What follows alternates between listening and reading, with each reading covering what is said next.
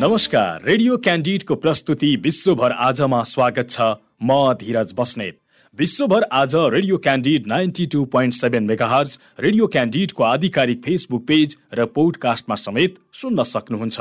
विश्वभर आजमा हामी विश्वभर घटेका ताजा र विशेष घटना समेटिएका समाचार सामग्री प्रस्तुत गर्दै आएका छौँ। विश्वभर आज हरेक दिन बेलुका आठ बजेको क्यान्डिड फटाफटपछि प्रसारण हुँदै आएको छ। विश्वभर आज भएका प्रमुख घटनाहरू जुन तपाईँले जान्न खोजिरहनु भएको छ वा जान्नै पर्ने केही विशेष छ। चीनको आर्थिक वृद्धि चालु आर्थिक वर्ष सन् दुई हजार बाइसको दोस्रो त्रैमासिकमा सुस्त बन्न पुगेको तथ्याङ्क सार्वजनिक भएको छ। कोरोना भाइरसको पछिल्लो लहरका बेला शून्य कोभिड नीति अपनाउँदै चीनले विभिन्न ठूला सहरहरूमा लकडाउन गरेसँगै चीनको आर्थिक वृद्धि सुस्त बन्न पुगेको हो। गत फेब्रुअरी चौबिसमा रुसले युक्रेनमाथि आक्रमण गरेपछि यसबाट उत्पन्न विश्वव्यापी आर्थिक कठिनाइहरूका कारण चिनिया अर्थतन्त्र दबावमा रहेको बताइन्छ। यो वर्षको अप्रेलदेखि जुन महिनासम्म चीनको कुल गृहस्थ उत्पादन केवल शून्य दशमलव चार प्रतिशतले बढेको अन्तर्राष्ट्रिय समाचार संस्था रोयटर्सले जनाएको छ। शुक्रबार प्रकाशित नयाँ तथ्याङ्कले चिनिया अर्थतन्त्रको धुमिल छवि प्रस्तुत गरेको विश्लेषकहरूले टिप्पणी गरेका छन्। सन् उन्नाइस सय बयानब्बेमा चीनले तथ्याङ्क राख्न थाले यता यो त्रैमासिक दोस्रो सबैभन्दा सुस्त आर्थिक वृद्धि रेकर्ड गरिएको रोयटर्सले जनाएको छ। यसअघि कोरोना भाइरसको महामारीका बेला सन् दुई हजार बिसको पहिलो त्रैमासिकमा चीनको अर्थतन्त्र छ दशमलव नौ प्रतिशतले सङ्कुचित भएको थियो। रोयटर्सका अनुसार यो त्रैमासिकमा चीनको कुल गृहस्थ उत्पादन एक प्रतिशतले बढ्ने अपेक्षा गरिएको थियो। अघिल्लो त्रैमासिकमा भने चीनको अर्थतन्त्र चार दशमलव आठ प्रतिशतले वृद्धि भएको तथ्याङ्क प्रकाशित गरिएको थियो।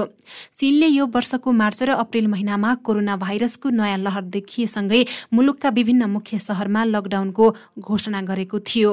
लकडाउन लागू गरिएको चीनको मुख्य वित्तीय केन्द्र सङ्घाईको आर्थिक वृद्धि अघिल्लो वर्षको तुलनामा तेह्र दशमलव सात प्रतिशतले सङ्कुचित भएको छ।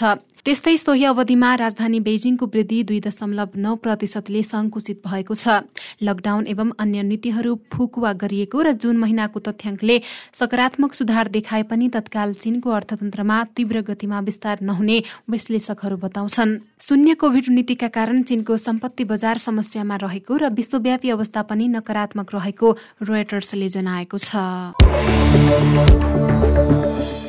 भूतपूर्व राष्ट्रपति गोटाबाया राजपाक्सीले दिएको राजीनामा संसदका सभामुख महेन्द्र यापा अवे वर्देनाले स्वीकृत गरेपछि श्रीलङ्काका प्रधानमन्त्री रनिला विक्रमासिंघेले शुक्रबार अन्तरिम राष्ट्रपतिको रूपमा शपथ लिएका छन्।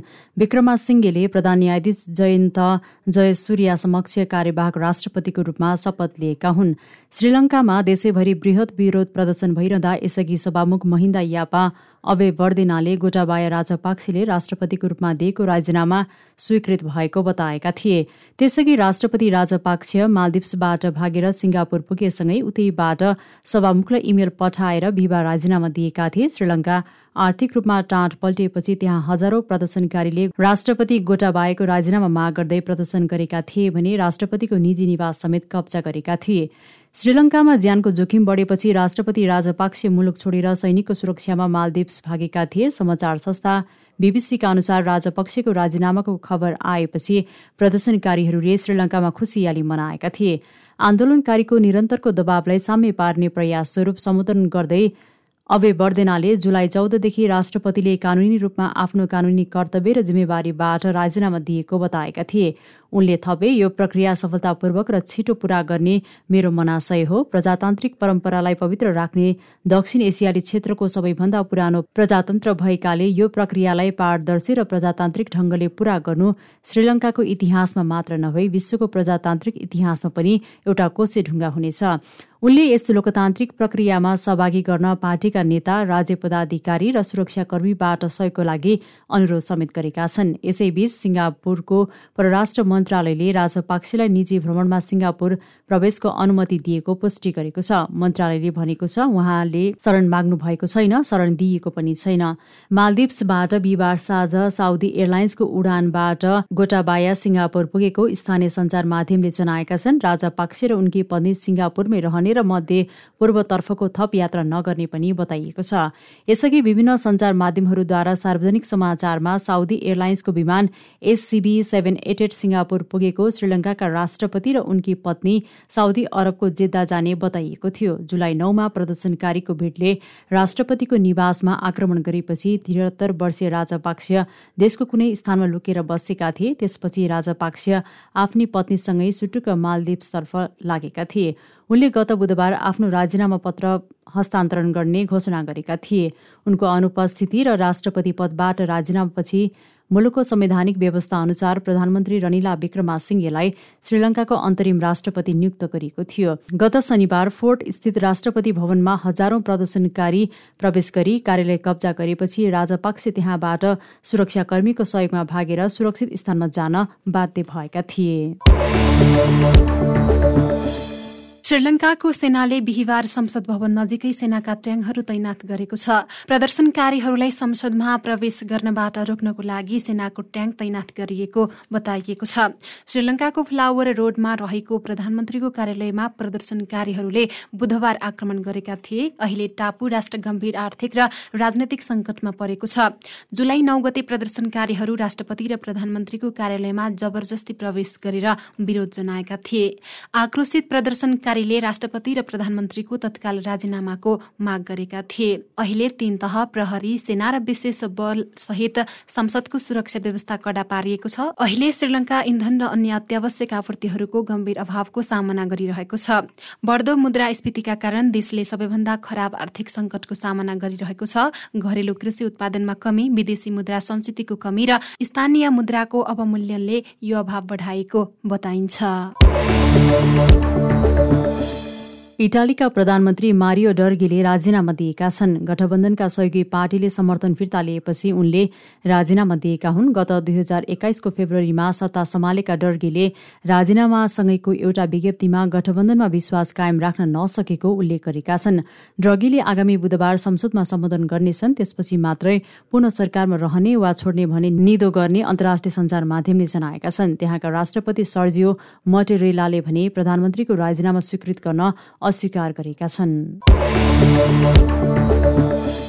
अमेरिकाका पूर्व राष्ट्रपति डोनाल्ड ट्रम्पकी पूर्व पत्नी इभाना ट्रम्पको निधन भएको छ।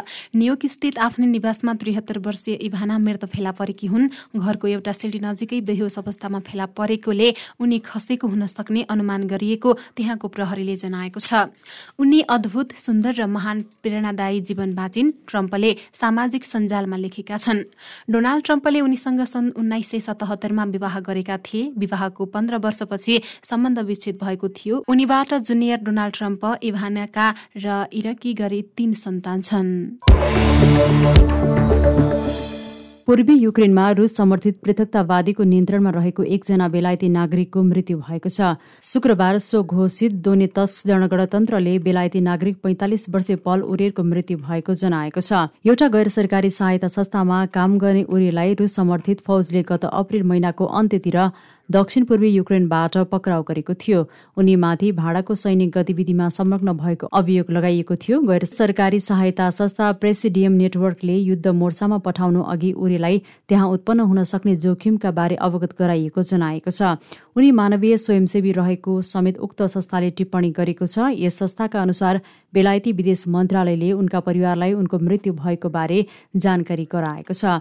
यसबारे बेलायती विदेश मन्त्रालयले भने कुनै टिप्पणी नगरेको अन्तर्राष्ट्रिय समाचार संस्था रोइटर्सले जनाएको छ। दोनितक्स जड गणतन्त्रकी मानव अधिकार अभियन्ता डारिया मोरोजोभाले उरे चिनी रोग श्वास प्रश्वासमा समस्या मृगौलामा समस्या र हृदय सम्बन्धी रोगबाट पीडित भएको जनाएकी छिन्। संदिग्ध अपराधको संवेदनशीलताका बावजुद हामीले पल उरेलाई उपयुक्त चिकित्सा सहायता प्रदान गरेका थियौं। यद्यपि रोगको परीक्षण र तनावका कारण उनी गत जुलाईमा विदा भए उनले भनिन् गत अप्रेल महिनाको अन्त्यतिर उरे र अर्का बेलायती नागरिक डेलन हेलीलाई पृथकतावादी लडाकुले नियन्त्रणमा लिएको थियो। गत फेब्रुअरी चौबिसमा रुसले आक्रमण गरेसँगै रुसी फौजको अधीनमा रहेको युक्रेनी भूभागमा रहेको विदेशी नागरिक पृथकतावादीको निशानामा पर्दै आएको बताइन्छ। यसअघि दोने तक्स जनगणतन्त्रकै अदालतले एकजना मोरक्कन र अरू दुई बेलायती नागरिकलाई मृत्यु दण्डको सजाय सुनाएको थियो। र पाकिस्तानी हिन्दू समुदायले पूर्व राष्ट्रपति आसिफ अली जरदारीको सिन्ध प्रान्तको नवाबशाह स्थित निवास अगाडि सोह्र वर्षीय युवतीको अपहरण जबरजस्ती धर्म परिवर्तन र विवाह गराएको भन्दै विरोध प्रदर्शन गरेका छन्। अपहरित करिना नामकी हिन्दू युवती रहेको स्थानीय समाचार माध्यमले जनाएका छन्। प्रदर्शनकारीहरूका अनुसार युवतीलाई खलिल रहमान जोनो नाम गरेका व्यक्तिको परिवारका सदस्यहरूले जुलाई छमा काजी अहमद टाउनको उन्नार मोहल्ला क्षेत्रमा अपहरण गरेका थिए। प्रदर्शनकारीले प्रहरी विरुद्ध नाराबाजी गर्दै युवतीको खोजीका निम्ति पूर्व राष्ट्रपतिलाई हस्तक्षेप गर्न आग्रह गरेका थिए। स्थानीय प्रहरीले करिनालाई अपहरण नगरेको भन्दै जोनोसँग भागेर उनले कराँचीको अदालतमा विवाह गरेको बताइएको छ। प्रहरीका अनुसार खलिलका बुवा असगर जोनोलाई धारा तीन सय पैँसठी बी बमोजिम एफआइआर दर्ता गरेपछि पक्राउ गरिएको छ। पाकिस्तानी प्रहरीका एसएसपीले करिना र खलिल रहमान जोनोको विवाह दर्ता प्रमाणपत्र सार्वजनिक गरी युवतीलाई सिन्ध उच्च अदालतमा पेश गरिने बताएका छन्। युवतीले आफूले चाहेको निर्णय गर्न सक्ने उनको भनाइ छ। हिन्दू पञ्चायतका उपाध्यक्ष लाजपत राईले एसएसपीको उक्त दावी अस्वीकार गर्दै हिन्दू समुदायको प्रतिनिधि मण्डलले एसएसपीलाई भेटेको बताए तर उनले प्रहरी प्रकाशनबाट आफूहरूलाई सहयोग नभएको बताएका छन्। पाकिस्तानमा महिला अल्पसंख्यक बालबालिका र सञ्चारकर्मीहरूमाथि विभिन्न दमन र अधिकार उल्लङ्घनका घटनाहरू बढेको पाइएको छ। विश्व गतिविधि रेडियो क्यान्डिडको दैनिक प्रस्तुति हो। तपाईँले रेडियो क्यान्डिडको वेबसाइट आधिकारिक फेसबुक पेज र पोडकास्टमा सुन्न सक्नुहुनेछ। सँगै खबर हब डट कममा पनि विश्व गतिविधि पढ्न सक्नुहुनेछ। भोलि फेरि यसै समयमा विश्व गतिविधि बुलेटिन लिएर उपस्थित हुनेछौ। आजलाई भने बिदा दिनुहोस्। नमस्कार।